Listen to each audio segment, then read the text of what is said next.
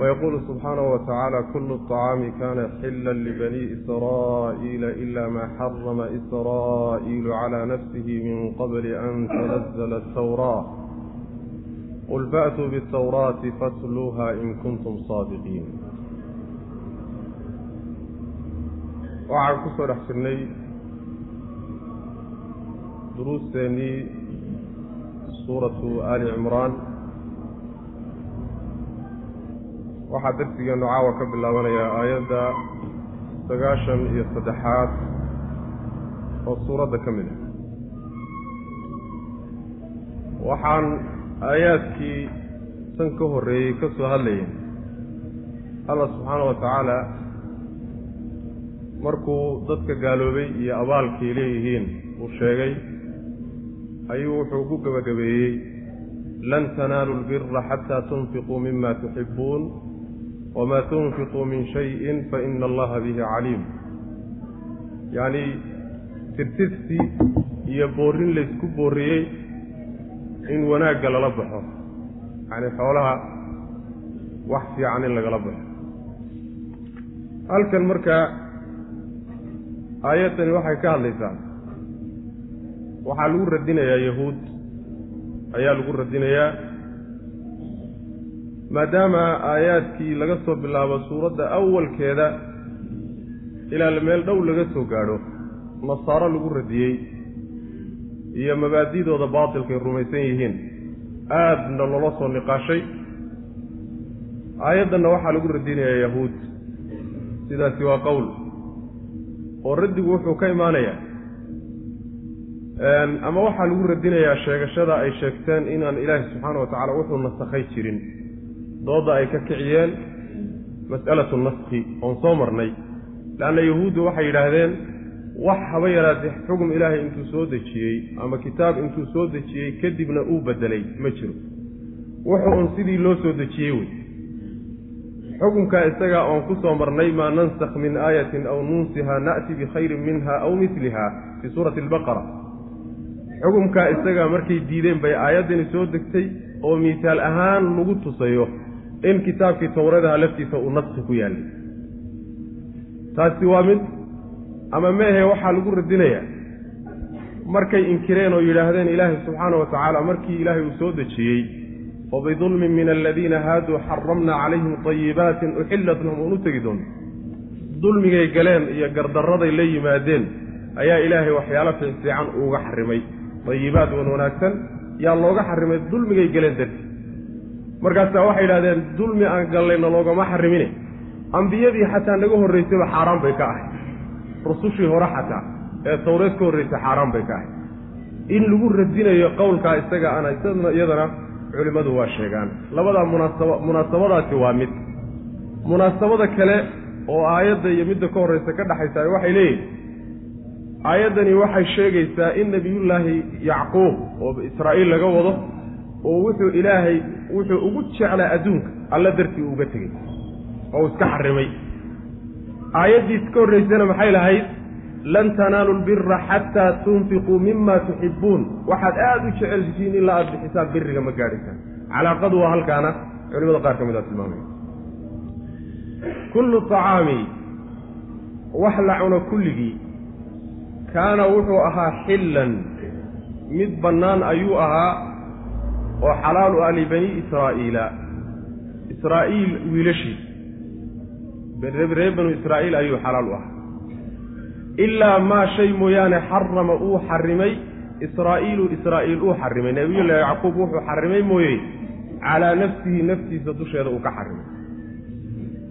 Shaygaasi wuxuu xalaal u ahaa reer banu israa'iil.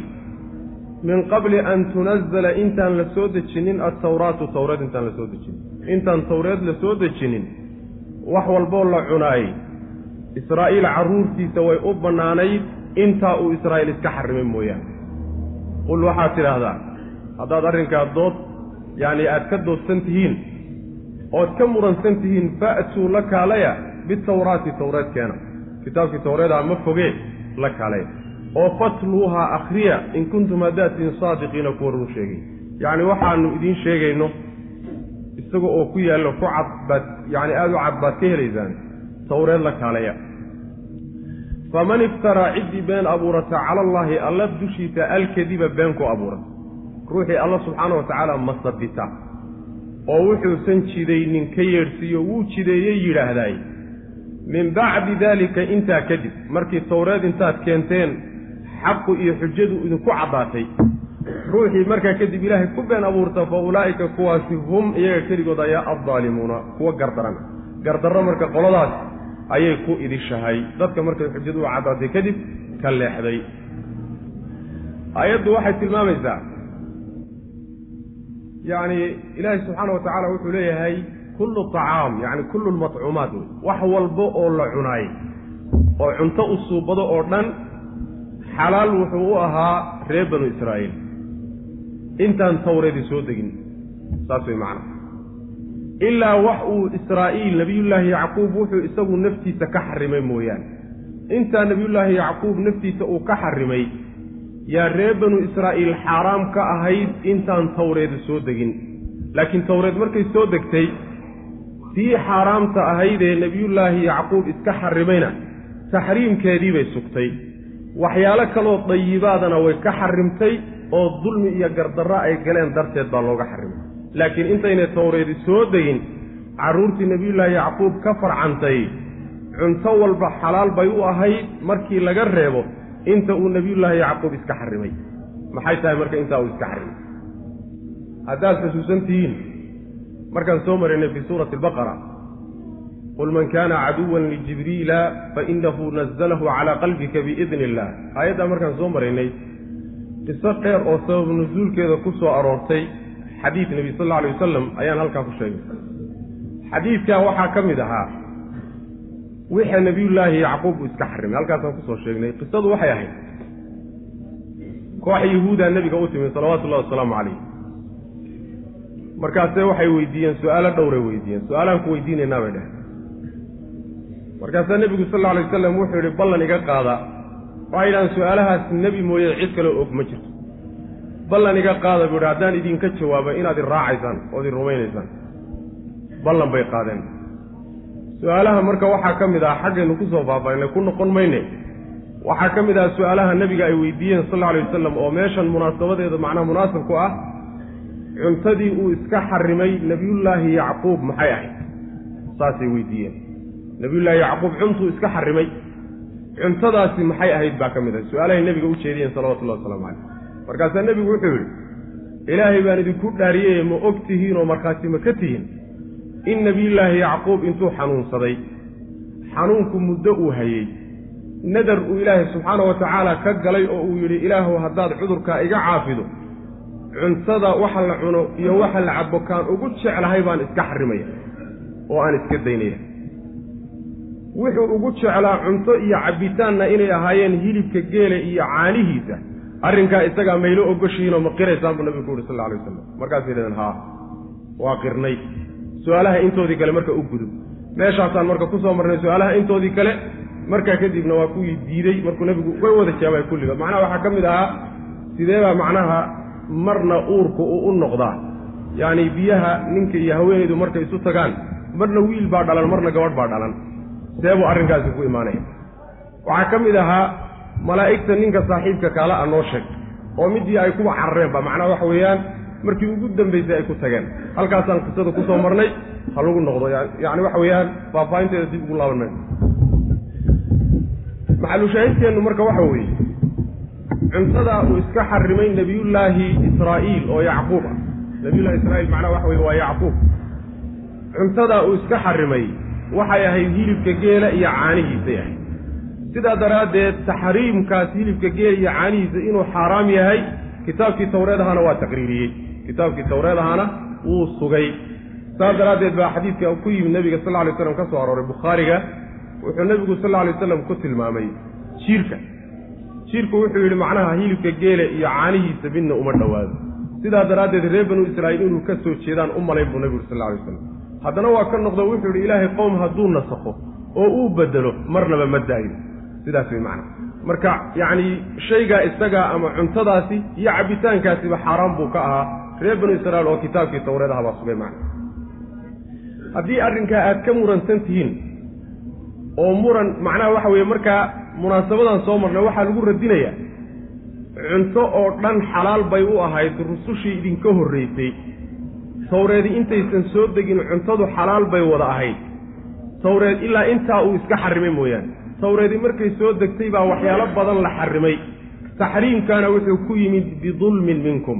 Dulmi iyo gardarro aad gasheen buu ku yimid. Ee ma aha inuu idinka horreeyey intaa uu israa'iil iska idinka iska xarrimay unbaa wax xaaraama macnaha idinka horreeyey. Laakiin inta kale sababtiinna iyo dulmi aad gasheen buu ku yimid. Ama waxay noqonaysaa yacni haddii aan fiirino munaasabadii kaleete macnaha raddiga iyadana lagu radinayo naski masaladii naskiga ah. Yacni waxyaalo fara badan oo xalaal ahaa oo ka horreeyey tawreed ayaa tawreedii intay timid bay xarimtay. Naski baa la yidhahdaa marka. Naski baa waa xukm sharci oo la bedelo ilaahay intuu soo dejiyey horaan. Haddana uu bedelo tawreed baa xarimtay wax badan oo xalaal ahaa. Taasina naski baa la yidhahdaa naskigana waa diidantihiine tawreed baaba sugaysaba macnaha sidaasina macnaha ayadana waa qowlkii kaleeto labaduba waa suurtagal wey marka tawreed baa ina kala bixinaysa la kaalaya ku dhibaalay nebiga sal alla alay waslam macnaheedu waxa weeye khasmiga ruuxaad la doodayso shayga uu ogol yahay marjica iyo masdarka uu ogol yahay ayaa habboon inaad xujada isaga dushiisa xujada kuwa uga soo saarto. Laakiin waxa weeyaan mid uusan kulaba ogolaynba haddaad uga soo saarto ra'san isagoo dhanba ma ogolibu kudhi tawreed bay marka ogol yihiin tawreed baana xujo ku ah oo ayagiiba la doodayso oo macnaha waxa weeyaan yacani lagaba helayaa wax ay diidaysa waxay rumaysan yihiin sidaas daraaddeed tawreedkeena tawreedna akhriya ku dhawaalay nabiga sal alla alay wasalam haddaad run sheegaysaan intaa kadib markii arrinkaasu saa u caddaaday oo inaad khaldanaydeen ay caddaatay kadib ninkii ilaahay ku been abuurto markaa kadib dafira oo yidhaahda ilaahay wuxuusan soo dejinin buu soo dejiyey ku been abuurtaay kaasi inay daalimiin yihiin oo gar daran yihiin ayaa markaa iska cad. Waa iyagaa markaa lagu wadaa macna. Kullu tacaami wax la cuno oo dhani kaana wuxuu ahaa xillan xalaal buu ahaa libanii israa'iila. Israa'iil carruurtiisa ayuu xalaal u ahaa. Yacni nabiyullaahi israa'iil buu xalaal u ahaa kadibna carruurtiisana xalaal bay u ahay bay macna. Min qabli an tunazala tawraatu halkaas soo geli. Wax walboo la cunaayey reer banu israa'iil xalaal buu u ahaa min qabli an tunazala tawraatu. Intaan tawreed la soo dejinin. Intaan tawreed la soo dejinin wax walboo la cunaayey. Xalaal buu ahaa reer banu israa'iil. Ilaa maa shay mooyaane xarama uu xarimay israa'iilu yacquub uu xarimay calaa nafsihi naftiisa uu ka xarimay mooyaane. Wuxuu israa'iil naftiisa ka xarimay oo hilibka geela iyo caanihiisa mooyaane wax alla waxa la cunee ka soo hadhay oo dhan tawreedii intaysan soo degin reer banu israa'iil xalaal buu ahaa laakiin tawraadii markay soo degtay waxyaalo fara badan oo muxaramaad oo kale ayay tawraadii la timid taana waxaa keenay dulmigii iyo gardarraday galeen baa keentay macnaha qul waxaad tidhaahdaa fa'tuu la kaalaya bitawraati bitawraati tawreedkeena oo fatluuha akhriya. In kuntum haddaatiin saadiqiina kuwa run sheegaya oo ku run sheegaya naskhi ma jirada aada leedihiin ku run sheegaya ama ma ahe in kuntum saadiqiina kuwa run sheegaya haddaadtiin oo ku run sheegaya wax annaga dulmi aan gallay loo xarimay ma jiro odhaahda haddaad run ku sheegaysaan faman iftaraa ciddii abuurata alkadiba cala allaahi alla dushiisa alkadiba been ku abuurata. Yacni iftiraa'u alkadibi cala allahi macnaha waxaa laga wadaa masabidka shayga la yidhahdo masabid yacni shay aan kaa soo fulin in dusha lagaa saaro waxaan kadaata ayagu ay malmaluuqdeen ee samaysteen ee jeebkooda kala yimaadeen ayaa waxay leeyihiin ilahay baa soo dejiyey. Taasaa marka iftiraaga laga wada. Min bacdi daalika intaa kadib markii arrinku saa u caddaaday kadib ruuxii ilaahay ku been abuurta fa ulaa'ika kuwaasi ayaa hum iyaga keligooda ayaa addaalimuuna kuwa gardarsaday. Ah daalimiinta mushrikiinta ee gaalada ah waa kuwaas wey waa iyaga wey macnaha qul sadaqa allah qul waxaad tidhaahdaa nebiyow sadaqa allaahu allah run sheegay. Run buu sheegay allah subxaana wa tacaala wuxuu noo warramayna run buu ku sheegay. Wuxuu jideeyeyna cadaalad bay ku salaysan yihiin ee faattabicuu waxaad raacdaan millata ibraahiima nebiyullaahi ibraahim diintiisii raaca xaniifan xaal u yahay mid toosan nebiyullaahi ibraahim. Wamaa kaana mana uusan ahayn ma uusan ahaanin min almushrikiina gaalada ka mid muusan ahayn. Macnaha waxa weye qul sadaqa allahu waxa weeye waxaa laga wadaa ilaahay warkaa uu inoo sheegay oo ah cunto oo dhan inay xalaal u ahayd reer banu israa'iil qabla tawraa ilaa wixii uu iska xarimo mooyaane warkaa laynoo soo sheegay waa run. Ilaahay baa run sheegay subxaana wa tacala been ma aha. Wax walba uu rabbi nooga warramayna waa run. Maxaa yeelay rabbi subxaana wa tacaala waa kaan waxba ka qarsoomin. Halmaanno uusan ku imaanin. Haba yaraateena macnaha rabbi subxaana wa tacaala uusan ismoodsiis ku dhicin marka run buu sheegay rabbi subxaana wa tacaala. Mar hadduu run sheegay tan anigu aan la imid ee wato haddaan ahay nebi maxamed salawatullahi wasalaamu calayh ayaa tii nebiyullaahi ibraahiim ee raaca wey macna. Faattabicuu millata ibraahiimadu waxa weeye millata ibraahiimta waxaa laga wadaa diinta nebi maxamed la yimid salawatullahi wasalaamu calayh ila waxa weeye mucdamkeeda iyo inteeda badan iyo usuusheedu waa diintii nebiyullaahi ibraahim. Marka raaca ibraahim baa marka laga warramayo si aysan u odhanin annaguba ibraahim baanu raacsanoo taanu haysannaba waa millata ibraahiima ayaa waxaa lagu yidhi ibraahim waa toosnaa. Oo jidkii rabbi subxaana wa tacaala u qeexay ee u falay islaamka ayuu ku toosnaa. Mushrigna maalin maalmaha ka mida ma noqonin gaalada ka mid ma noqonin mushrikiinta ayaa laga wadaa ayagaa laga wadaa macna. Ilaan waxay leeyihiin cusayr ibnullaahi iyo yacni waxa weeyaan masiix ibnullaahi iyo waxaasay ku hayaan ina allaha haalisu talaata iyo waxaasay ku hayaan labada qoloba yaani yahuudi iyo nasaaradu mar hadday marka mushrikiin yihiin nebiyullaahi ibraahim milladiisa iyo diintiisa marnaba shirki ma noqonin. Mushrigna weligii muusan noqonin. Muslim toosan buu ahaa waana ta nebi maxamed la yimid salawatullahi wasalaamu caleyh marka taa raaca. Qul waxaad tidhahdaa sadaqa allah alla ayaa run sheegay ee faattabicuu waxaad raacdaan millata ibraahiima ibraahim diintiisii raaca waa ta nebi maxamed la yimid ee salawatullahi wasalaamu calayh xaniifan xaal uu yahay mid toosa nebiyullaahi ibraahim. Wamaa kaana mana uusan ahaanin min almushrikiina gaalada ma uusan ka mid ahayn. Yacni gaal weligii ma noqonin rabbi subxaana wa tacaala. Weligii wax lama wadaajinino. Xaqa rabbi subxaana wa tacaala addoommadiisa ku leeyahay. Cid kale weligii muusan siinin. Ina awala beytin wudica linnaasi laladii bibakkata mubaarakan wahudan lilcaalamiin fiihi aayaatun bayinaatun maqaamu ibraahiima waman dakhalahu kana aamina. Wlilahi cala annaasi xiju lbeyti man istataaca ilayhi sabiila. Waman kafara faina allaha haniyun can alcaalamiin weli waxaa lagu jiraa. Radintoodii baa lagu jiraa. Ina awala beytin gurika kii ugu horreeyey gurigaasoo wudica la dhigay oo la dejiyey linnaasi dadka loo dejiyey. Guri kii ugu horreeyey dadka loo dhisaay laladii midka weeye bibakkata maka ku yaalla guri dadka loo dhiso ka maka ku yaallaa ugu horreeyey mubaarakan xaal uu yahay mid khayr badan oo barakadiisu badanta wa hudan hanuun xaaluu lilcaalamiina caalamkao dhan uu hanuun u yahay. Fiihi dhexdiisa waxaa ahaaday beydkaa iyo gurigaa dhexdiisa waxaa ahaatay aayaatun calaamooyin iyo astaamo bayinaatun oo cadcad. Maqaamu ibraahiima ibraahiim meeshuu isku taagay baa ahaatay oo laga bedelo macna ibraahiim meeshuu cagta saaree isku taagay markuu dhisayey ayaa macnaha ahaatay oo macnaha ka mida aayaad waman dakhalahu ciddii galana. Beydkaa ruuxii galana kaana wuxuu ahaanayaa aaminan. Mid aamin oo macnaha waxa weeye nabadgelye hela oo ku nabadgala buu noqonaya. Walilaahi alla ayuu u sugnaaday. Cala annaasi dadka dushooda xijulbeyti beytka oo loo qasto oo la xajiyaayey ayuu alla dadka dushooda ku leeyahay man cid ayuu dushiisa ku leeyahay istataaca awooda ilayhi yacni beytka xaggiisa sabiilan jid ahaan u awooda ciddii jidkiisa awoodi karta ayaa rabbi ku leeyahay dushiisa inuu macnaha beytka xajiyo u qasto. Waman kafara ciddii gaalowdana fa ina allaha alla haniyun waa midkii maarkacaya xadiidka nebiga sal alla alay wasalam xadiidka abu dar uu warinayo wuxuu yidhi muslim baa warinaya xadiidka waa muttafaq xadiid. Wuxuu yidhi qultu yaa rasuula allah ayu masjidin wudica awalu masaajidkee ugu horreeyo adduunka markii ugu horreysa laga dhiso saasuu weydiiyey nebiga sal alay waslam wuxuu nebigu ku jawaabay almasjid alxaraam masaajidka xurmada leh. Yani waxa waa kan maka ku yaallo wey. Kaasaa ugu horreeyey masaajid adduunka laga dhiso markaasaa wuxuu yidhi qultu uma ayun keebaa ku xigay? Xagga dhismaha. Qaala wuxuu yidhi almasjid alaqsaa masaajidka ku yaalla baytlmaqdis ku yaalla masjid alaqsaa masaajidkaasaa ku xigay xagga dhismaha qultu kam kaana baynahumaa imise sanaa u dhaxaysa labadooda dhismahooda baan idhi buu yidhi nebi allow.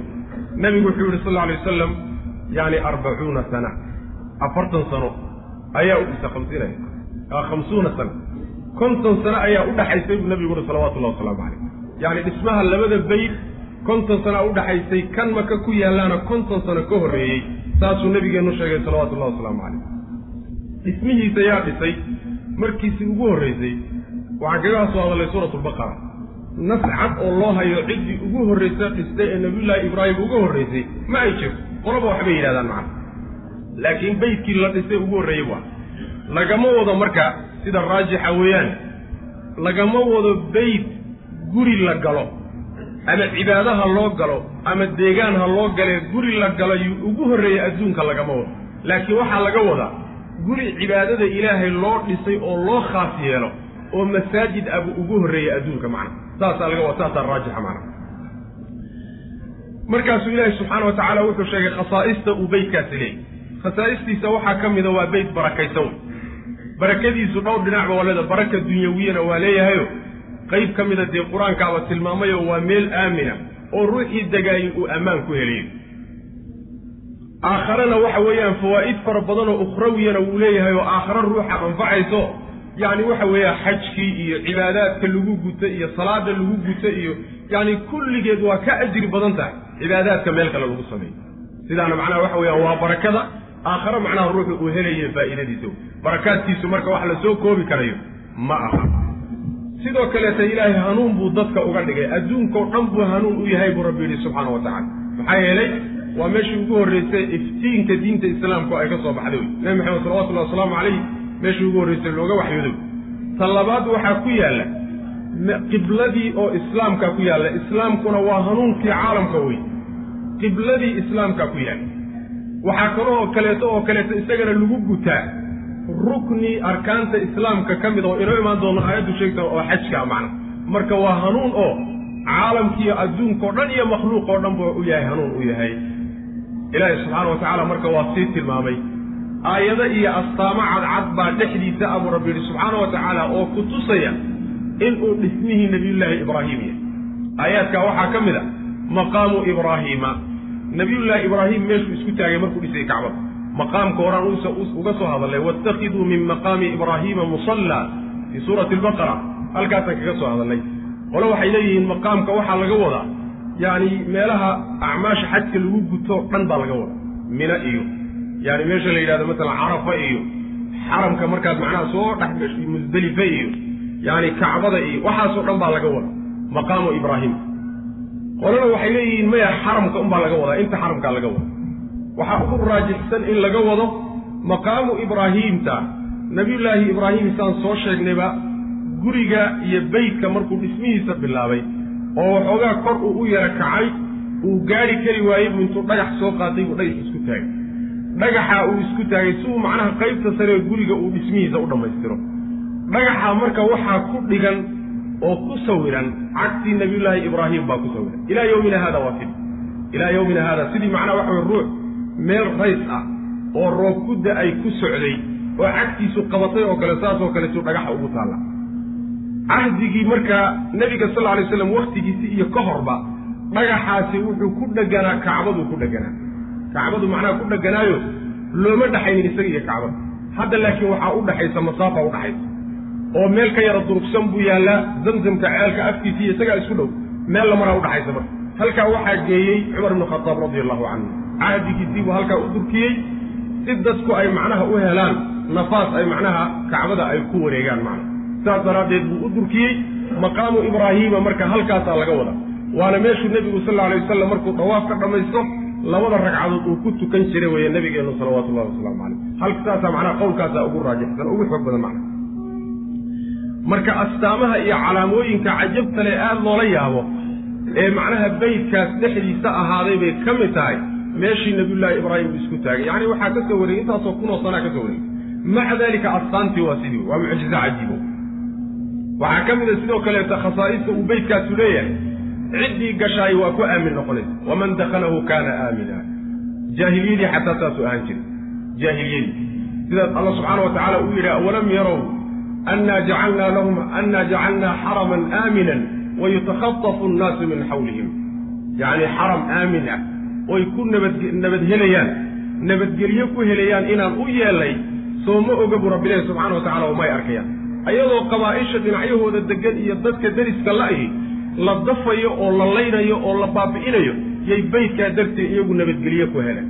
Jaahiliyadii marka islaamka ka hor xataa ruuxu hadduu ruuxii dembiga ka galay uu ku dhex arko yacni beydka xaramka dhexdiisa hadduu ku arko waxa muusan yeeli jirin wuxuu la sugi jiray intuu ka baxay intuu ka baxay sugi jiray laakiin intuu beydkaa ku jiro aabbaha hadduu dilay xataa farahay ka qaadi jireen jaahiliyadda islaamkuna marka arrinkaa isaga uu sii xoojiyeyo beydkaa iyo xurmada uu leeyahay xaramka iyo xurmadiisu islaamkuna sii xoojiyey rabbi subxaana wa tacala marka saasuu leey waman dakhalahu kaana aamina.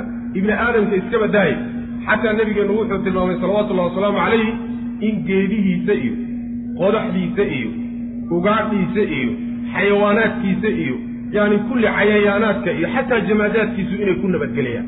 Wixii ku yaalla macnaha eriyadaas inaan la taabanayno faraha laga qaadayo macna. Sidaasuu nabigeenu salawatullahi wasalaamu calayh uu ummadda amray macna. Waman dakhalahu kaana aaminan mid ku nabadgala ayuu ahaanayaa oo aan la taabanin. Waxaa aayadda deliishanaya abu xaniifa imaam abu xaniifa oo wuxuu qabaa inaan beytka dhexdiisa xaramka dhexdiisa inaan lagu oogi karin xuduudda oo ruuxii soo cararo oo intuu xad galo ku soo carara inaan xadda lagaga oofinin ee layska daynin. Ibnu cabbaas waa isaguna ra'yiga qabo wuxuu leeyahay waa loo kaadinaya. Meeshaasaa loogu sugayaa laakiin cuntada iyo cabitaanka ayaa laga goosanaya goortuu gaajoodo isagaaba dan u carari. Markuu xaramka ka baxo meelaha laga qabsado laakiin yaan dhexdiisa xadda lagaga oogin sidaasoo culimmada qaar ka mida qaba. Laakiin culimmadu say u badan yihiin. Waxay leeyihiin xaramku ma nabadgeliyo nin dhiig la soo cararay. Nin dembiiloo dembi kula soo gabaday xaramku ma ma nabadgeliyo leeyihiin yacni waa lagaga oofinayaa xadda sidaasay culimmadu u badan yihiin kadib buu alla subxaana wa wuxuu sheegay dadka inuu xaj dushooda ku leeyahay. Walilaahi cala annaasi xiju lbeyti xiju lbeytka waxaa laga wadaa kacbadoo loo qasto. Alxiju asluhu bimacna alqasdi baa la yidhahda beytka oo loo qasto oo la abbaaroo la aadaayey. Yuu alla subxaana wa dadka dushooda ku leeyahy ma dadkao dhan buu ku leeyahy may ee ciddii awoodi karta. Man istataaca badelu bacdu min alkulli baa la yidhahda ciddii awoodi karta unbaa alla subxaana wa tacaala uu ku leeyahy oo jidkii loo mari lahaayee loo aadi lahaa jid ahaan ruuxii u awoodo wa maxaa laga wadaa? Man istataaca ilayhi sabiilan macnaheedu waxaa laga wadaa ninkii kharash ahaan awoodi kara wa yacni ruuxii awoodi kara. Macnaha nafaqadii reerkiisa uu kaga tegi lahaa haysta jidka mari karo oo macnaha jidkuna nabadgelye yahay asagiina caafimaad qabo oo xoogu ku toga leh. Xoolihii uu macnaha ku dhoofi lahaaye ama macnaha diyaarad ku raaci lahaa ama uu sahay ka dhigan lahaa haysta taasaa laga wadaa man istataaca ilayhi sabiila. Ciddii laakiin aan sidaa u awoodi karaynin yani waxa weeyaan laguma lahaa xajka wey mana xajku marka waa arkaanta islaamka rukniga shanaad weeye. Waana arkaanta waaweyn tiirarka waaweyn ee islaamku uu ku taagan yahay wey sidaa daraaddeed buu alla subxaana wa tacaala wuxuu yihi markuu gebagabaynayey waman kafara fa ina allaha haniyun cani ilcaalamiin xajkaasaa luu idinku leeyahay ruuxii laakiin gaaloobaayey alla waa ka maarmaa. Macnaheedu waxa weeye ruuxii xajka diido oo waajibnimadiisa diidaayey waa gaaloobayaa gaalna ilaahay waxba ku fali maayo. Iyo camalkiisa toona oo waxaa laga wadaa waman kafarada ruuxii xajka diidaa laga wara laga wadaa taasi waa macna ama mee waxaa laga wadaa waman kafara ciddii gaalowda oo waxaa la adkaynaya xajka inaan laga tegin baa la adkaynayaayo. Ruuxii xajka ka tegay baa waxaa lagu shabahayaa loo ekaysiinaya gaal oo kalea loo ekaysiinaya. Si macnaha loo adkeeyo xajka iyo arrintiisa loo adkeeyo macna. Sidaana waa iyadana waa macno kale w labadaa macno ugu xoog badan macno saddexaadna waa jira oo culimada qaar ka mid ay qabaan. Marka xajku waxa weeye arkaanta islaamka waaweyn ayuu ka mid yahay. Bal cali bni abi aalib radi allahu canhu wuxuu leeyahay ruuxii intuu awood u helo xajka aan soo gudanini ruuxa isagii ha dhinto ama isagoo yahuudiya ama nasraani dan lagama laha macna yacni ama yahuudinimuu ku dhiman ama nasraaninimuu ku dhiman islaamnimo ku dhiman maayo. Yacni taqriibanna waxa weye ruknigan waayahan dambaa lagu baraarugay laakiin waxa weeyaan weli dad badan oo bulshada islaamka ka midi waxaad moodaa inaan ihtimaamkiisa la siinaynin ayadoo runtii maadada iyo bakli bukliga iyo bakaylnimada iyo xoolo jacaylku runtii uu qaalibka yahy ruuxii awood u hela markuu awood helaba waa inuu beytka rabbi subxaana wa tacaala soo siyaarto soo xajiyo ina awala beytin beytka ugu horreeya guriga ka ugu horreeya oo beytkaasoo wudica la dejiyey linnaasi dadka loo dejiyey cibaadana loogu dejiyey inay ku cibaadaystaan loogu talagalo loogu dhisay laladii midka weeye bibakata maka ku yaalla. Mubaarakan xaaluu yahay mid khayr badan oo barakadiisu badan tahay wa hudan hanuun xaaluu lilcaalamiina u yahay fiihi dhexdiisa waxaa ahaaday aayaatun. Astaamo iyo calaamooyin ayaa ah bayinaatun oo cadcad. Maqaamu ibraahiima ibraahiim meeshuu isku taagay ayaa ahaaday dhexdiisa oo laga bedelo macna cadbayana waa laga dhigi karaa waman dakhalahu ciddii galay kaana wuxuu ahaanayaa aaminan. Mid nabadgala ayuu ahaanaya. Mid ku nabadgala ayuu ahaanayaa macna sidaasaa asal ah muxuu aamin loo noqon la'yahay oo hadda beytka ilaahay iyo xaramkaa ruuxa iska dhex tagaay. Maxaa loo dayn la'yahay oo loo raafaya haddaad tidhaahdahay waa dulmi wey. Dulmi wax sharciga ma ah wax sharcioo sugaya in dadka muslimiinta xaramka ilaahay laga raafaayo ma ay jirto. Waa un xukaamta iyo dulmigooda unbay ka mid tahay macna. Iyo gardarradooda. Waman dakhalahu ciddii galaasha galaana. Kaana wuxuu ahaanayaa aaminan culimada qaar ka mida waxay leeyihiin waa khabar bimacna alamrio waman dakala waman dakhalahu ciddii gashaana kaana falyakun ha ahaado aaminan yacni nabadgeliyo nabadgeliya oo amar macnaha la bixinayo ayay macnaha ka dhigayaan walilaahi alla waxaa u sugnaaday cala annaasi dadka dushooda waxaa ugu sugnaaday xijulbeyti beytka oo la xajiyo kacbada oo la xajiyo ama kacbada loo qasto oo la aado man cid dusheed ayuu ku leeyahay yacni naaskaa laga beddelaya man cid dusheed ayuu ku leeyahay istataaca awooda ilayhi xaggiisa sabiilan jid ahaan u awooda yacni jidkaasi ruuxii qaadi kara wey waagi hore waa loo lugan jiray saas daraaddeed baa sabiilka looga cabiraya laakiin hadda waxaa laga wadaa kharash ahaan ruuxii u awoodo wey kharashkiisa ruuxii heli kara oo ka bixi kara wey macana xataa macnaha waxa weye wuxuu baasboort ku goosan lahaa wuxuu diyaaradda ku raaci lahaa maalmaha uu xagga joogo wuxuu joogi lahaa reerkiisa wuxuu uga tegi lahaa caafimaadkiisa waxaasoo dhan macnaha waxa weeyaan ruuxii haysta wey axaadiis waxaa soo arortay nebigu sal alay waslam uu leeyahay assabiilu azzaadu waraaxila sabiilka waxaa laga wadaa yacni gaadiidku ruuxu raaci lahaa iyo sahaydiisaa laga wadaa axaadiistaa kulligeed waa wada daciif axaadiistaas kulli marka lagu soo ururiyo waa daciif wey macno ka guda weyn baa laga wadaayo ruuxu inuu awoodi karo jidkaasi ama ha lugeeyo ama macnaha waxa weeyaan inuu kharash ahaan u awoodo baa laga wada waman kafara ciddii gaalowda fa ina allaha alle haniyun waa midkii maarmo weeye oo deeqtooma. Can ilcaalamiina caalamiintao dhan buu ka deeqtooma. Yani makhluuqaadkiisa ilahi uma baana subxana watala macnaheed waxa weeye xajkiioo kugu waajibiyey haddaad iskaga tagto. Ilahay miyaad wax u dhintay? Amaad ilahay wax u dhintay subxaana wa tacala waxba maada u dhin maxaa yeele camalkaaga iyo adiga iyo makhluuqoo dhan ba ilahay waa idinka maarmaa subxaana wa tacala waxaan adaa lagugu danaynayey. Rabbi maada ugu danaynayni subxana wa tacala marka alla waa kaa maarmaa wey in takfuruu antum waman fi lardi faina allaha haniyun can ilcaalamiin sidaasoo kaleeto wey macana ilahi subxana wa tacala faina allaha lahaniyun xamiid allah subxaana wa tacaala addoommadiisa waa ka maarmaa qul ya ahla alkitaabi lima takfuruuna biaayaati illahi wallahu shahiidun cala ma tacmaluun qul ya ahla alkitaabi lima tasuduuna can sabiili illahi man aamana tabquunaha ciwajan wa antum shuhadaa wama allahu bigaafilin cama tacmaluun qul waxaad tidhahdaa yaa ahla alkitaabi kitaabka dadkiisiiyow lima maxay baad takfuruuna u gaaloobaysaan? Biaayaati illaahi ilaahay aayaadkiisa maxaad u diidaysaan? Aayaadka alle maxaad u qaadan la'di walxaal allaahu alle shahiidun uu yahay mid og calaa maa tacmaluuna waxa aad samaynaysaan. Isagoo rabbi goobjoogka ah oo ayna ka qarsoonayn waxaad samaynaysaan maxaad ilaahay aayaadkiisa ugu gaaloobaysaan. Ayadoo rabbi idin arkayo idin ogyahay qul waxaad tidhahdaa yaa ahla alkitaabi kitaabka dadkiisiiyow lima maxay baad tasudduuna? Aada u leexinaysaan dadka aada uga hor istaagaysaan can sabiili illahi jidka ilaahay ilaahay diintiisa maxaad dadka uga leexinaysaan? Man cid maxaad uga leexinaysaan? Lima maxay baad tasudduuna? Aada u leexinaysaan can sabiili illahi jidka ilaahay maxaad uga leexinaysaan? Man cidda aamana rumaysay? Cidda doonaysay inay ilaahay rumayso? Maxaad uga leexinaysaan jidka rabbi subxana wa tacala oo diintiisa uga hor istaagaysaan?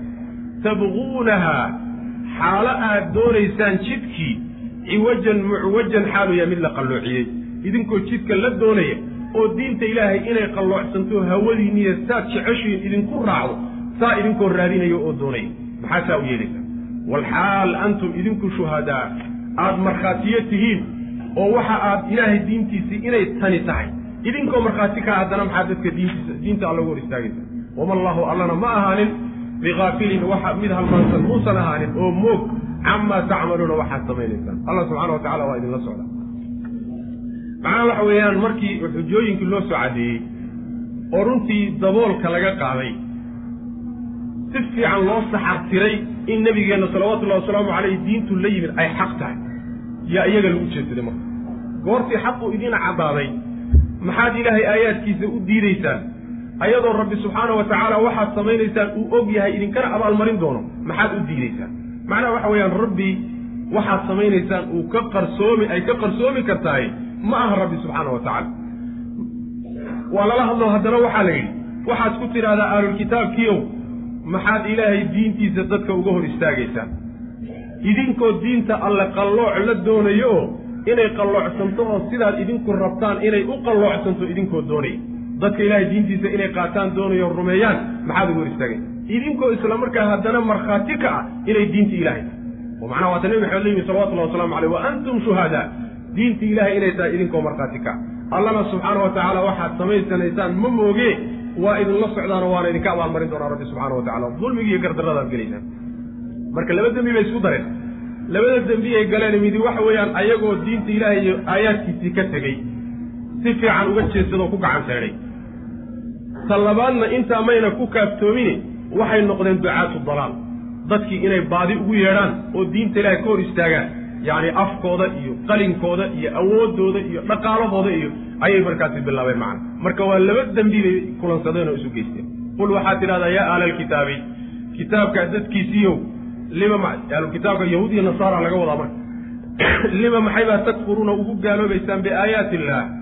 Alle aayaadkiisa maxaad ugu gaaloobaysaan ood u diidaysaan walxaal allahu alle shahiidun uu yahay mid xaadir oo macnaha og weye calaa maa tacmaluuna waxaad samaynaysaan dushiisa uu rabbi subxaana wa tacaala goobjoog ka yahayo uu og yahay oo markhaati ka yahy qul waxaad tidhahdaa yaa ahla alkitaabi kitaabka dadkiisiiyow lima maxaybaad tasudduuna aada u leexinaysaan can sabiili illaahi jidka ilaahay iyo diinta alle maxaad uga leexinaysaan man cidda aamanad rumeeyey cidda macnaha inuu rumeeyo doonayo alla diinkiisa qaado maxaad uga hor istaagaysaan ood uga leexinaysaan tabquunahaa sabiilkii iyo jidkii xaal aad doonaysaan ood raadinaysaan ciwajan mucwajan xaaluya mid la qalloociyey. Idinkoo qallooc la doonaya oo inuu qalloocsamo hawadiinni iyo saad idinku rabtaan uu idinku raaco idinkoo jidka alle iyo diintiisa la doonaya. Xasaa u yeelaysaan? Walxaal antum idinku shuhadaa aad tihiin kuwa markhaati oo ilaahay diintiisii inay tani tahay markhaati aad ka tihiin wama allaahu allana ma ahaanin biqaafilin mid halmaansan ma ahaanin. Camaa tacmaluuna waxaad samaynaysaan. Yacni waxa ay dembi gelayaan oo dhan waxay ku gelayaan yani ukaf bay u gelayaan. Ma aha inuu jahli ku xambaareen laakiin markay xujadu caddaatay kadib bay macnaha ula kac u galan wey waana kala wen yahay dembigu markaad jaahil aad tahay oodan garanaynin oo niyadsami aad u gasho. Khayrdoon baad iska ahayd. Iyo marka aad intaad ogaato badheed aad u gashaay waa laba dembi oo aada u kala weyn. wey sidaas daraaddeed ba alla subxaana wa mar walba inay arrinkan og yihiin oo jahli aysan ku gelin baa macnaha la soo celcelinaya. Yaa ayuha aladiina aamanuu in tudiicuu fariiqa min aladiina uutuu lkitaaba yarudduukum yarudduukum bacda iimaanikum kaafiriin wa kayfa takfuruuna waantum tutla calaykum aayaat allahi wa fiikum rasuuluh. Waman yactasim billahi faqad hudiya ilaa siraatin mustaqiim. Goortii laga soo warramay iyagii ayaa hadda innaga laynoo soo jeedsaday qoladii nebi maxamed rumaysay salawatullahi wasalaamu calayh ayaa lala hadlayaa. Waxaa la dareensiinayaa labadan qolo ee kaleete ee laga soo warramay cadaawadda iyo xasadka aynoo hayaan iyo mawqifkay inaga taagan yihiin iyo midka loo baahan yahy inagu inaan ka istaagno yaa ayuha aladiina kuwa aamanuu rumeeyeyow in tutiicuu haddii aad adeecdaan ood raacdaan. Fariiqan koox haddii aad adeecdaan kooxdaasoo min aladiina kuwii ka mida uutuu lkitaaba kitaabka la siiyey. Qolo ka mida kuwii kitaabka la siiyey oo yahuud iyo nasaarada ah. Koox ka mida haddii aad raacdaan ood adeecdaan yarudduukum waxay idinka ahaysiinayaan bacda iimaanikum. Iimaankiinna kadib markaad mu'miniin noqoteen kadib waxay idinka ahaysiinayaan. Kaafiriina kuwa gaalaabay idinka ahaysiinayaan. Gaalnibay idiin safrayaan oo riddo iyo islaamnimadii inaad ka noqotaan ayay macnaha waxa way idin gelinayaan wa kayfa takfuruun wa kayfa sideebaadse takfuruuna u gaaloobaysaan oo iimaanka kadib seebaad gaalnimo ugu noqonaysaan walxaal antum idinku tutla la akriyayo calaykum dushiinna aayaatullaahi ilaahay aayaadkiisa lagu akriyayo seebayba ku dhici kartaa inaad gaalnimo u noqotaan ayagoo ilaahay aayaadkiisii laydinku dhex akrinayo idin dushiina ku soo degaya walxaal fiikum dhexdiinnana rasuulullaahi rasuuluhu rasuulka ilaahay uu yahay waman yactasim ciddii cuskata oo qabsata billaahi ilaahay ruuxii cuskado oo qabsadaayo faqad hudiya waa la hanuuniyey ruuxaasi ilaa siraatin jid baa lagu hanuuniyey jidkaasoo mustaqiimin toosan baa lagu hanuuniyey yani sabab nusuulkeeda waxaa la leeyahay iyadii aayaadka soo socdaba waxay ku soo degeen qiso ku soo aroortay axaadiista nebiga sal alay wasalam maalin maalmaha ka mid a labadii qabiil ee bulshada islaamka ugu xoog badnaa aws iyo khasraj ansaarta ee madiine wada deganaa. Nebigana sal alay wasalam lafdhabarta u ahaa. Waxaa jirtay labadaa qoys in ay dagaallo dheer oo taariikhiya ka soo dhexan jireen jaahiliyadii. Oo laba qoysoo deegaanna isku xigo oo wada degan. Isla markaa haddana cadaawadi ka dhaxayso xoolaha kala dhaco oo islaayo oo marna heshiiye marna islaayo aan jirin. Dagaallo dheer dheer oo xataa boqol sano socday ayaa marka qaarkood dhex mari jiray labadii qoys baa ilaahay subxaana wa tacaala nebi maxamed u keeno diinta islaamka u timid iyadoo socota. Markaasaa ilaahay subxaana wa tacaala heshiisiiyey walaaluu ka wada dhigayo jaahiliyadii iyo qabiilkii iyo cunsuriyadii inta dhinaca la yska dhigay ayaa macnaha waxa weye hal saf la wada noqday mabdi iyo cusmaa iyo islaamnimada la wada qaatay. Wax alla wixii o dhan marka baaba'ay. Dadkii marka waa isdhex galeen. Ayagoo marka maalin maalmaha ka mida laba kooxood oo qolona ree aws ay yihiin qolona ree khasraj ay yihiin oo isla fadhiya oo sheekaysanayo oo walaalo ah ayaa waxaa arkay nin yahuudi. Arrinkiibaa aada uga cadhaysiiyey. Ilan weligood baa iyagu dagaaladay ka baaca mushtaraan dagaalkay ka macnaha waxa weeye sidoodaba ganacsigoodu waa dagaal. Inay ummadaha isku diraan. Wuxuu arkay qoladan heshiiska ee isu qosqoslaysa sheekanaysada markaasaa wuxuu damcay inuu isku diro. Mid buu diro wuxuu yidhi intaad u tagto dhex fadhiisato. Waxaad uga sheekaysaa ood xusuusisaa dagaaladii hadda ka hor dhex maray isku baabi'iyeen yacni ashcaartii iyo gabayadii iyo raggii la laayey iyo odayaashii iyo waxaa soo badhay oo uga sheekay sidii buu bilaabay. Goortuu uga sheekeeyey waxoogaa markuu waday ayaa marka waxa way laba saf la noqday. Waa laysu habar wacday. Yaa ree awsey war yaa ree khasrajey baa ka dhacday. Tulla-ayay ma u jeedaa ilaa macnaha lagu ballamo la yidhi idinkuna seefiina soo urursada annaguna wax annaga waa la imaanaynaa waxaa inoo ballan ah xarrada meesha macnaha waxa dhagax shiilka waa macnaha waxa wey xarra shardiya meel layidha halkaasaa inoo ballana waa meel madiine ka mida waynu kala baxaynaa nebigii arrinkii soo gaadhay salawatullahi wasalaamu calayhi markaasaa nebigu sal alay waslam la hadlay saxaabada abidacwa aljaahiliyati waana bayna adhurikum buu nebigu yihi salawatullahi wasalaamu calayh ma jaahiliyadii iyo habarwacashadeedii ayaa dib ugu noqonaysaan anoo idin dhex jooga buu nebigu yihi salawatullahi wasalaamu calayh markaasay isku ooyeeno ismucaanaqeeyeeno wax alla wixii meeshii ku dhammaadayo shaydaankii meesha soo galayna baxay macna. Sidaasay ahayd marka. Arrinkaasay marka aayaadkani ku soo degeen oo alla subxaana wa tacala ku soo dejiyey bay sheegayaan macna culimadu marka mar walba waxay ka shaqaynayaani waxa weeye in ay macnaha gaalnimo idiin celiyaan oo islaamnimadana inay idinla jeclayn. Waa inagi yani waxa wey sida ilahi subxana wa tacala aayad qur'aana ku leeyay wadda katiirun min ahli lkitaabi law yarudduunakum min bacdi iimaanikum kufaara xasadan min cindi anfusihim min bacdi ma tabayana lahum alxaq yani idinlama rabaan wanaagayna idinla rabin walaaltinimadayna idinla jeclayn qarannimadayna idinla rabin yacni bulshadan iyo dadkan isku kalsoon baa macnaha waxa weye ay ka xanaaqayaan sidaa daraaddeed inay isku soo dhuftaan bay doonayaan haddaad isku dhacdaan gaalnimo iyo fujuur iyo macaasi iyo xumaan iyo wax walbaad dubta la gelaysaan macna marka waxa weye iska jira wey rabbi subxaana wa tacaala marka wuxuu leeyahy waa la yaabe seebaad u gaaloobaysaan iyadoo aayaadkii ilaahay laydinku dul akrinayo nebigiisiina aad dhexdiinna uu joogo seebaad u gaaloobaysaan. Macnaha laba shay oo gaalnimada marnaba ayna ka suuroobin inay iyagoo jooga meesha yimaadaan ayaa idin dhex jooga. Waa kitaabki ilahi oo laydinku dul akrinayo iyo nebi maxamed oo idin dhex jooga salawatullahi wasalaamu caleyh ayadoo taasu jirta seebaad gaalnimo ugu bedheeri kartaa ood u gaaloobaysaan baa rabbi ilahi subxaana wa tacala alla ruuxii diintiisa qabsadana jidkii toosnaa baa lagu hanuuniyey yaa ayuha aladiina kuwa aamanuu rumeeyeyow in tutiicuu haddii aad ateecdaan idaacada waxaa la yidhahdaa ruuxa oo la raaco wey oo wuxuu wata laga yeedho in tutiicuu haddii aad yeeshaan ood raacdaan fariiqan koox oo min aladiina kuwii ka mid a uutuulkitaaba kitaabka la siiyey yarudduukum waxay idinka ahaysiinayaan raddadan bimacnaa sayaro wey. Waa tii labada mafcuul qaadan jirtay ee midii celinta ahayd ma ah yarudduukum waxay idinka ahaysiinayaan bacda iimaanikum iimaankiinna kadib kaafiriina gaala idinka ahaysiinayaan kuwa gaala ayay idinka dhigeen islaamnimaday dib idinka celinayaan. Wa kayfa sidee baad se takfuruuna u gaaloobaysaan? Walxaal antum idinku tuslaa la akriyayo calaykum dushiinna. Aayaatullahi ilaahay aayaadkiisa laydinku akrinayo wa fiikum dhexdiinnana rasuulu rasuulkiisu uu yahay. Rasuulkiisiina uu idin dhex joogo oo nebi maxamed salawatullahi wasalaamu calayh. Waman yactasim?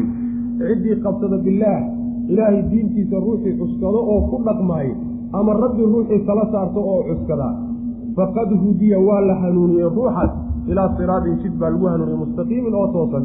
Waa islaamnimada islaamnimo ayaa ilahay ku hanuuniyey subxana wa tacala nabigeena sal alay waslam waxaa ka sugan xadiis baa jira. Nebigu sal lay sl maalin maalmaha ka mida saxaabada uu ku yidhi mu'miniinta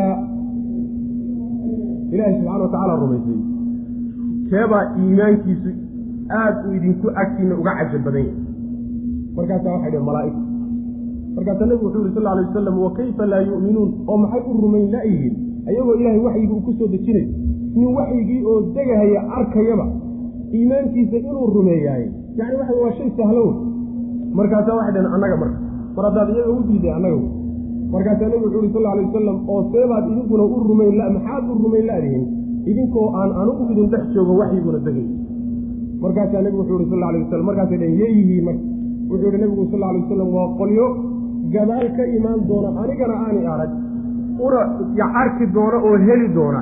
Waxyaalo waraaqa ku qoran. Marka kadibna rumayn doona buu nabigu yihi salawatullah waslamu caleyh yani waa dadkii nabigeenna ka dambeeyey salawatullhi wasalaamu calayh maxaa yeelay waraaq uun macnaha aada soo gaadhay iyo nebi maxamed oo kula joogo ood arkayso salawatullahi wasalaamu calayh yani rumaynteedu waa kala weynta waa kala weynta marka waxa weeye shay amaaraad iyo calaamooyin fara badan. Waxyaalo fara badanoo waxaa jira ruuxa iimaankiisa iyo rumayntiisa ku xambaaray oon laga garaysanaynin haddii macnaha shaygaa isagaa laga waayo. Marka kitaabkii oo idin dhex iyo rasuulkii oo idin dhex jooga haddana waa gaaloobaynaa wax la garaysan kara maha wey macnaha. Haddii labaduba idinka maqan yihiin ood gaalowdaan waxoogaa yani waxbaaba la raaraadin karaa qiil baa la raadin karaa wey maa laakiin tan mid laydinka garaysan kara maa yaa ayuha aladiina aamanuu itaquu llaha xaqa tuqaatii walaa tamuutunna ila waantum muslimuun. Wactasimuu bixabli illaahi jamiica waxaa la sii wadaa. Dadkii muslimiinta ahaa markii la yidhi qolyaha iska jira bulshooyinkaa kaleeto ee aan idinla diinta ahayn khayrkiina kama shaqaynayaan iska jira markii la yidhi. Ayaa haddana ayaga dhexdooda lays ogolaysiinaya oo lays ogolaysiinaya macana ayaga dhexdoodii ayaa rabbi subxaana wa tacaala walaaltinimo iyo wanaag baa la dhex dhigi rabaa macana yaa ayuha aladiina kuwa aamanuu rumeeyeyow ittaquu llaaha alla ka cabsada xaqa tuqaatihi cabsidiisa dhabta ah ka cabsada cabsida dhabta ah ee rabbi idinka mudan yahay subxaana wa tacala midaa ka cabsada walaa tamuutunna hana dhimanina ilaa walxaal antum idinku muslimuuna hogaansanayaal aad tihiin mooyaane. Inaad islaamnimo ku dhimataan mooye islaamnimo la'aan marnaba ha ku dhimanina. Saasuu rabbi ilahi subxana wa tacala kuwa ilaahay rumeeyeyow alle ka cabsada cabsidiisa dhabta ah cabsidiisa dhabtaa waxaa la leeyahay cabdullahi ibn mascuud oo kaleeto sida ka asaxday wuxuu leeyahay an yutaaca falaa yucsaa wa an yushkara falaa yukfar. Saasuu leeyahay. Wa an yudkara falaa yunsaa waa in la adeeco oo diintiisa la qaatoo laga amar qaato. Oon marnaba la caasiin waa in la xuso oo rabbi subxaana wa tacaala carabka digrigiisa macnaha waxa weye lagu celceliyo oon marna la halmaamin waa in alla subxaana wa tacaala lagu shukriyo oon marnaba lagu gaaloobin.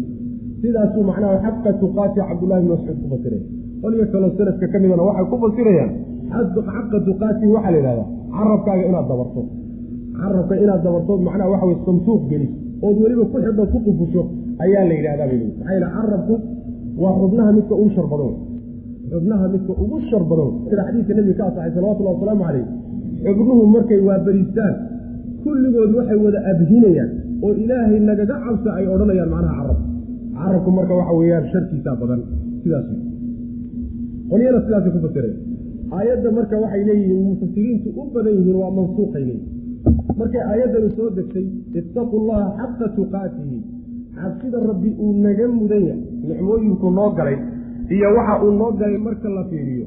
Mahadnaqa uu naga mudan yahay iyo cabsida uu naga mudan yahay xaqiiqadeeda lama imaan karay waa adag tahay marka. Aad bay noogu ag saxaabadu marka waxoogaa culays bay dareemeen. Marka kadib baa waxaa soo degtay baa la leeyahay yani fattaquu llaha ma stadactum marka waxa ay leeyihiin aayaddan dambaa waxay nasakday aayadda hore. Yaa ayuha aladiina aamanuu ittaqu llah xaqa tuqaati sidaa mufasiriinta u badan. Laakiin waa laga xoog badan yahay qowlkaasoo yaa ayuha aladiina aamanuu ittaquu llaha xaqa tuqaati aayaddaasi waxaa lagu caddeeyey macnaheeda fattaqu llaha ma stadactum marka waa bayaan iyo caddayn mooyaane oo labada aayadood way isa caddaynayaan. Midda hore ujeeddadii laga lahaa ee rabbi uu ka lahaabay middana caddaynaysa marnaba laydinkuma kallifin wax tabartiidna ka wey oo awoodmeesha kuma jiro sidaa mufasiriinta qaar ka mid a qaba ibni cabbaas baana ka mid a saasad muddaa inay xoog badanta maxaa yeelay aayadda inta lay la baaqi yeeli karo oo naski laga ilaalin karayo labada nasna la jamcin karayo waa in lagu dadaalo marka xal la waayo oo la jamcin kari waaya markaa naskiga la aadi karaya man marka sidaasa macnaa waxa weeyaan raajixa xoog badan. Kadib alla subxaana wa tacaala wuxuu yihi ha dhimanina idinkoo muslimiina mooyaane. Macnaha waxa weeye innaga miyaa awood miyaan isu haynaa? In aan islaamnimo ku dhimanno miyaan isu haynaa? Gacantanada maa ku jir miyay ku jirtaa? Islaamnimo mooye wax kale ha ku dhimanina. Ma gacantanada ku jirtaa? Haddaanu heli karno islaamnimo aman isku dili lahayne waxaa laga wadaa islaamnimada daa'ima hogaansanayaal weligiin ahaada. Maxaa yeele ruuxu shayguu u bato oo uu ku duqoobuu ku geeriyoobaa wuxuu ku barbaaruu ku duqoobaa wuxuu ku duqoobuna ku geeriyoodaa macna. Marka waxa weeyaan mar walba islaamnimada iyo diinta alla subxaana wa tacaala laazima markaa kadib islaamnimaad ku dhimanaysaan macna. Laakiin hadday idinku yaraato islaamnimadu oo mar mar uun macnaha waxa weye aad ka soo wardoontaan markaasi waxay u badan tahay noloshiinu dhankay u badan tahay inaad ku dhimataan macna.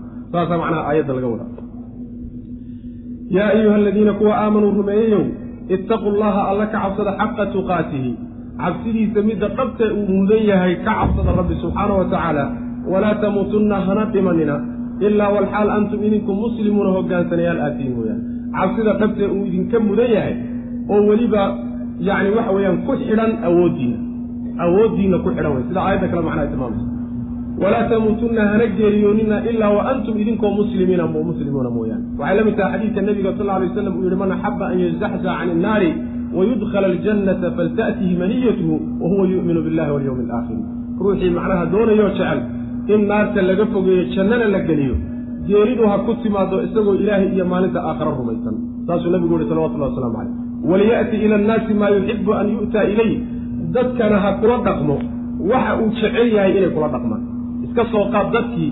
Adiga nafaha ka soo qaad. Waxaad jeceshahay inay kugula dhaqmaan kula dhaqan. Waxaadan doonayn inay kula yimaadaanna hawla tegin dadka. Sidaas yeel haddaad doonaysa inaad jannada gasho cadaabkana aad ka badbaado nabigu leh salawatullah waslamu caleyh wactasimuu bixabli illaah wactasimuu waxaad qabsataan. Bixabli illaahi ilaahay xadhiggiisa qabsada.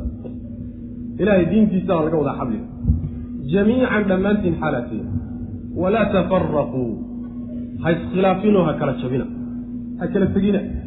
Wadkuruu waxaad xustaan nicmat allaahi ilaahay nicmadiisa xusa calaykum dushiinna uu idinku nimceeyey. Id wakti uu idinku nimceeyey kuntum aad ahaydeen acdaa'an kuwa col aad ahaydeen. Kuwa cadaawad isu haya aad ahaydeen. Oo fa allafa markaa uu isu geeyey bayna quluubikum quluubtiinnii uu rabbi isu geeyo isu dumay. Kadib markaad colaad isu hayseen oo aad col ahaydeen ayuu rabbi quluubtiinna isu geeyo. Walaala idinka dhig fa asbaxtum markaa waxaad ahaateen binicmatihi nicmadii alla idiin galay darteed baa waxaad ku noqoteen ikhwaanan kuwo walaala a baad noqoteen walxaal ayaad walaalo noqoteen. Kuntum aad ahaydeen calaa shafaa xufratin god qarkii aad ahaydeen. Godkaasoo min annaari naarka ahaaday. Yacni god naar ah. Ayaad qarka u saaraydeen. Markaasaa fa anqadakum alla waa idinka koriyo waa idinka badbaadiye minhaa naartiibuu idinka badbaadiyey ama xufradii godkii naarta ahaa ayuu alla idinka badbaadiyey subxaana wa tacala kadalika sidaasoo kale caddayntaasoo kale yubayinu allahu alla uu caddayni lakum idinka aayaatii ayuu idin caddayn aayaadkiisa lacallakum tahtaduuna si aad u hanuuntaan oo diinta rabbi subxaana wa tacaala aada u qaadataan wactasimuu bixabli illaahi jamiican. Xabligaa waxaa laga wadaa xabliga asalkiisa waxaa la yidhaha kullu maa yatawasalu bihi ila almaqsuud. Shay walba ood ujeeddadaada ku gaadha xabliga la yidhahda fii asli luq wax walba oo ujeeddadaada aada ku gaadho. Waxaa laga wadaa halkan xabliga qur'aankaa laga wadaa iyo diinta rabbi soo dejiyey subxaana wa tacaala. Qabsashadeedana waxaa laga wadaa in lagu dhaqmo oo mabda ahaan iyo dhaqan ahaan loo qaato oo nolosha iyada lagu maamulo taasaa laga wada diinta rabbi subxaana wa tacaala qabsada idinkoo idil oo aan macnaha waxa weeyaan kala hadhin. Kulligiin diinta rabbi subxaana wa tacaala iyo kitaabkiisa qabsada hana khilaa iskhilaafin waa kala tegina walaa tafaraquu tafaruqa macnaha waxa weeye. Kitaabkii qaar qaata iyo qaar ka taga. Qaar ka mida kitaabkii badh ka mida qaar qaata iyo qaar kulligii qaata. Ha kala jabino oo ha isku khilaafina kitaabkii ku midooba oo macnaha waxa weye isku raaca. Idinkoo idin wada qaata buu rabbi ilahi subxana wa tacala oo ku midooba. Kadib buu rabbi subxaana wa tacaala wuxuu xusuusinayaa muslimiinta xusuusinayaa rabbi subxaana wa tacaala wanaag iyo nicmo uu u galay taasoo ah jaahiliyadii qabla alislaam waxay ahaayeen dad cadow isu ah. Yacni labadii qabiil ee aws iyo khasraj ahaabaa macnaha waxa weeyaan aayaddu ay macnaha ka hadlaysaa. Laakiin xukunkeedu waa caam dad colaad isu haya oo cadow ah oo haba yaraatee wax walaaltinimo ah iyo wax qalbi fayooli ah iyo wax isku soo dhowaanshaa ayna ka dhaxaynin baad ahaan jirteen saasaad ahaydeen. Goortaad sidaa ahaydeen kadib ood islayn jirteen oo iscuni jirteenoo wax alla waxaad xumaan o dhan isku samayn jirteen ayuu alla subxaana wa tacaala quluubtiinna isu keenay ujeeda. Ilaan xumaanta dhan markii horba quluubtay ka dhalatay quluubtaa kala booday. Goortay quluubtu kala booday kadibna yani waxa weye jismigii iyo noloshii iyo dadkii macnaha waxa wixii ka dhexeeyo o dhan waa ku kala tegay. Marka ilaahay baa quluubtiinna isu keenay saasuu rabbi ilahi subxana wa tacala nicmadaa ilaahay idiin galee quluubta isu keenkeeda ah ayaad walaala ku noqotay. Idinkoo macnaha loo baahanin yacni daawo kale iyo cilaaj kale iyo ayadoon loo baahanin buu rabbi quluubtii hal mar isu keenay kadibna dadkii shalayto qabiil qabiilka ahaa ee islaynayay maanta waa walaalo iyagaa isxiga. Saasuu rabbi idinka dhigay subxana wa tacala arrinkaasi markuu rabbi saa idiin galeeyey qarka waxaad u saarnaydeen god naaraad qarka u saarnayd. Oo godka naarta muxuu yahay?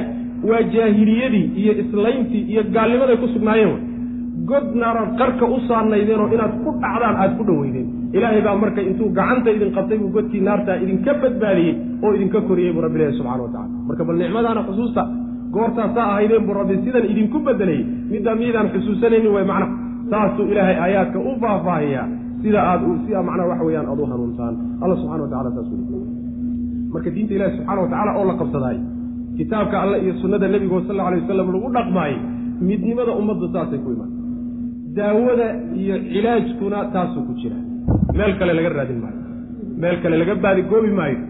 Cudurkan ilaahay uu ka daaweeyey aws iyo khasraj waa cudurka soomaali hayow qaybsankan kadaata qabiil iyo laf laf iyo jilib jilib iyo loo qaybsan yahay madaamic iyo lagu hardamayo lagu looltamayo adduunyo lagu looltamayahay waa tii shalayta tii shalayna ilaahay wuxuu ku daaweeyey oo daawo uga dhigay kitaabka alle iyo sunnada nebiga. Nebi maxamed baa loo soo diray salawatullahi wasalaamu calayh goortay kitaabka alla qaateenna wax alla wixii oo dhan waa iska dhammaan wax hadhay ma jiro.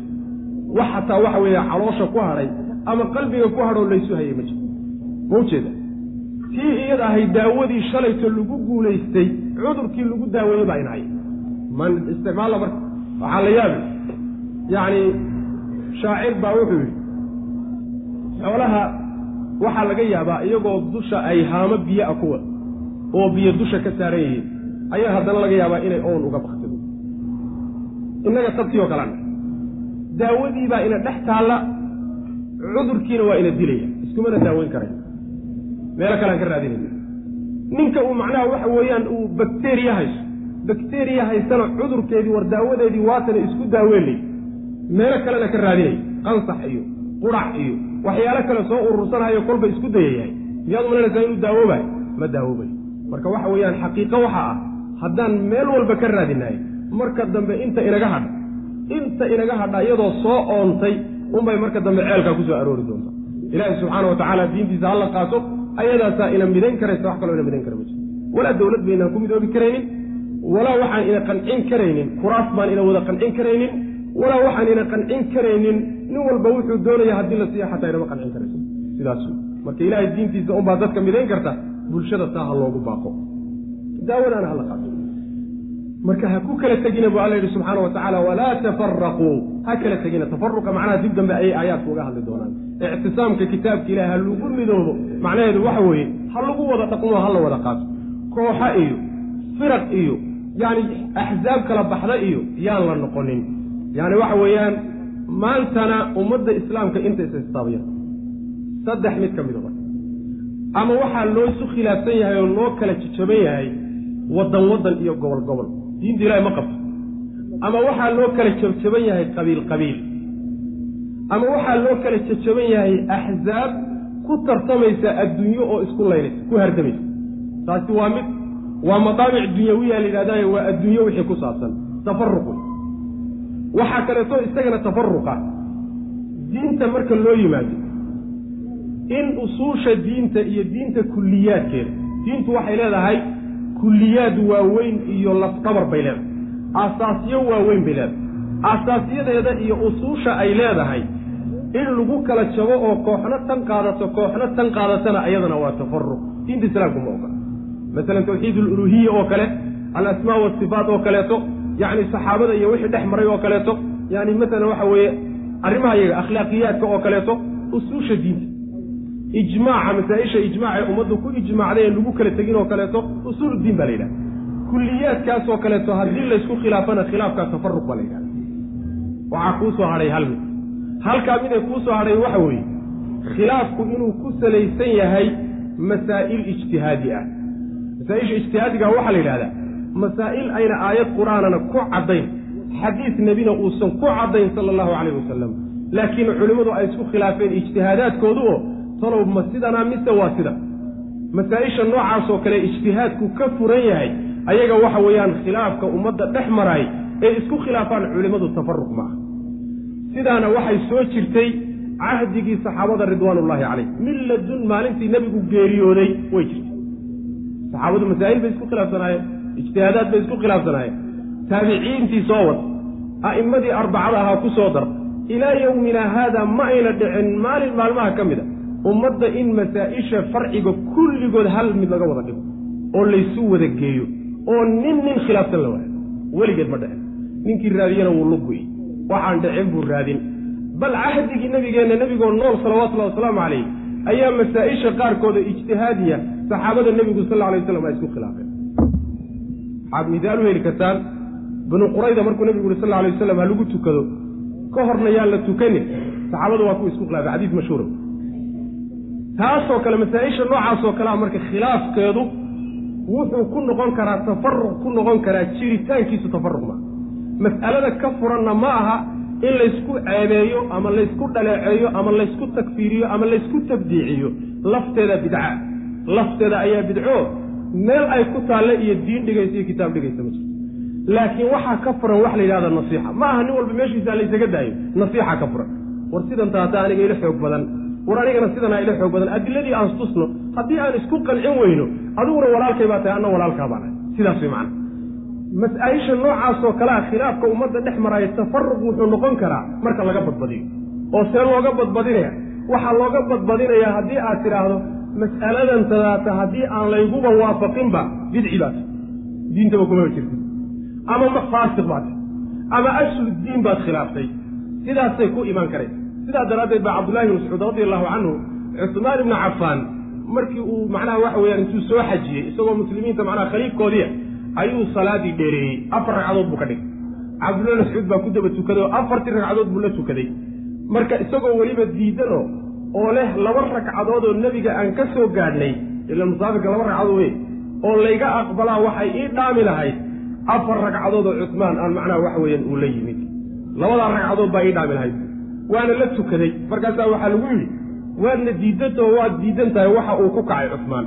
Haddana maca daalika waad la tukanaysaa maxaa kugu dhacay ibnu mascuudu wuxuu ku jawaabay alkhilaafu sharun alkhilaafu sharun macnaha ma uusan diidin mana uusan ka hoos bixin mana uusan ku kicin mana uusan tabdiicinin mana uusan tafsiiqinin.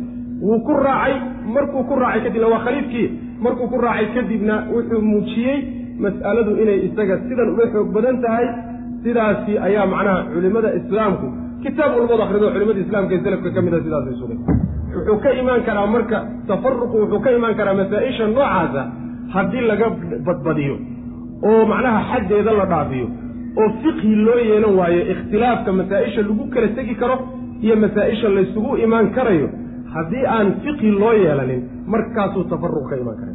Saas daraaddeed baa saxwada maanta waxaad arkaysaa mas'alo ijtihaadi ah oo ajillatu alculamaa culimmada waaweyne muslimiintu maanta leeyihiin midba ra'yi uu ka yidhi. Ayaa waxaad arkaysaa wadaad intuu ku dhegay halkaas yuururo oo nin alla ninkii ku khilaafana dariishada kala dhacay. Soo ujeeda. Tafaruqu halkaasuu ka imaanaya. Tafaruqu wuxuu ka imaanayaa mas'alada xad ayna gaadhsiisa inaad gaadhsiiso in laysu cudurdaaro oo walaalo lagu ahaado oo laysu naseexeeyo taasaa ka furan masaa-isha ijtihaadiga ah laakiin intaa aan soo sheegno horeo dhan khilaafka ku yimaadayo waa tafaruq wey sidaasaan macnaha waxa weeya kelimadaasi yani basti dheer bay leedahay muxaadaraad baana runtii ka bixi karay. Wactasimuu waxaad qabsataan bixabli illaah xadhigga ilaahay qabsada jamiican dhammaantiin xaalatiin walaa tafaraquu ha kala jabina. Oo ha iskhilaafin oo wadkuruu xusa nicmat allahi ilaahay nicmadiisa xusa calaykum dushiina ugu nimceeyey id wakti uu idiin nimceeyey kuntum aad ahaydeen acdaa'a kuwa yacni cadow isu aad ahaydeen markaad cadow isu haydeenoo aada isnicmadeen sidaan maanta nahay oo kaleeto wey faallafa alla uu dumay oo uu isu geeyey bayna quluubikum quluubteed quluubtiina dhexdeeda uu isu geeyey. Fa asbaxtum markaa waxaad ahaateen binicmatihi nicmaduu alla idiin galay darteed baa waxaad ku noqoteen ikhwaana kuwa walaalaha baad noqoteen oo heshiis ah.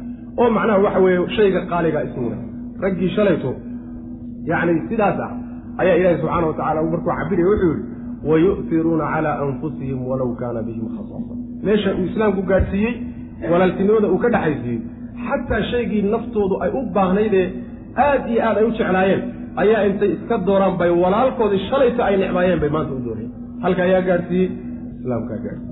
Mabda' kaloo yeeli kara ma jiro. Mabda' kale oo sidaasoo kale xuluushaasoo kale la imaan kara ma jiro. Fa asbaxtum binicmatii ikhwaanan wa kuntum waxaad ahaydeen calaa shafaa xufratin god qarkii ayaad ahaydeen oo min annaari naar. God naara ayaad qarka ka saarnaydeen. Fa anqadakum alla waa idinka badbaadiyo waa idinka koriyey. Minhaa macnaha xufradaa iyo godkaasoo alla idinka badbaadiyey. Macnaha waxyaalahaas horaan aad ugu jirteenee jaahiliyada ahaa naar bay idinku sabab noqon lahayd. Haddaad ku dhiman lahayde kadalika sidaasoo kale yubayinu allah alla uu idinku cadaynaya lakum aayaatihi. Aayaadkiisu idiin cadayn lacallakum tahtaduuna si aad u hanuuntaan oo diinta rabbi subxana wa tacala aad u qabsataan. Waltakun ha ahaato minkum xaala minkum idinka ummatun ummadii ha idinka mid noqoto. Ummaddaasoo yadcuuna yeedhaya ila alkhayri wanaagga dadka uu yeedhay. Waya'muruuna amraya bilmacruufi wanaagga macruufka iyo shayga sharcigu ogol yahay dadka amraya wayanhawna reebaya cani ilmunkari xumaanta dadka ka reebaya wa ulaa'ika kuwaasi hum iyaga keligooda ayaa almuflixuuna kuwa liibaanaya. Walaa takuunuu ha ahaanina.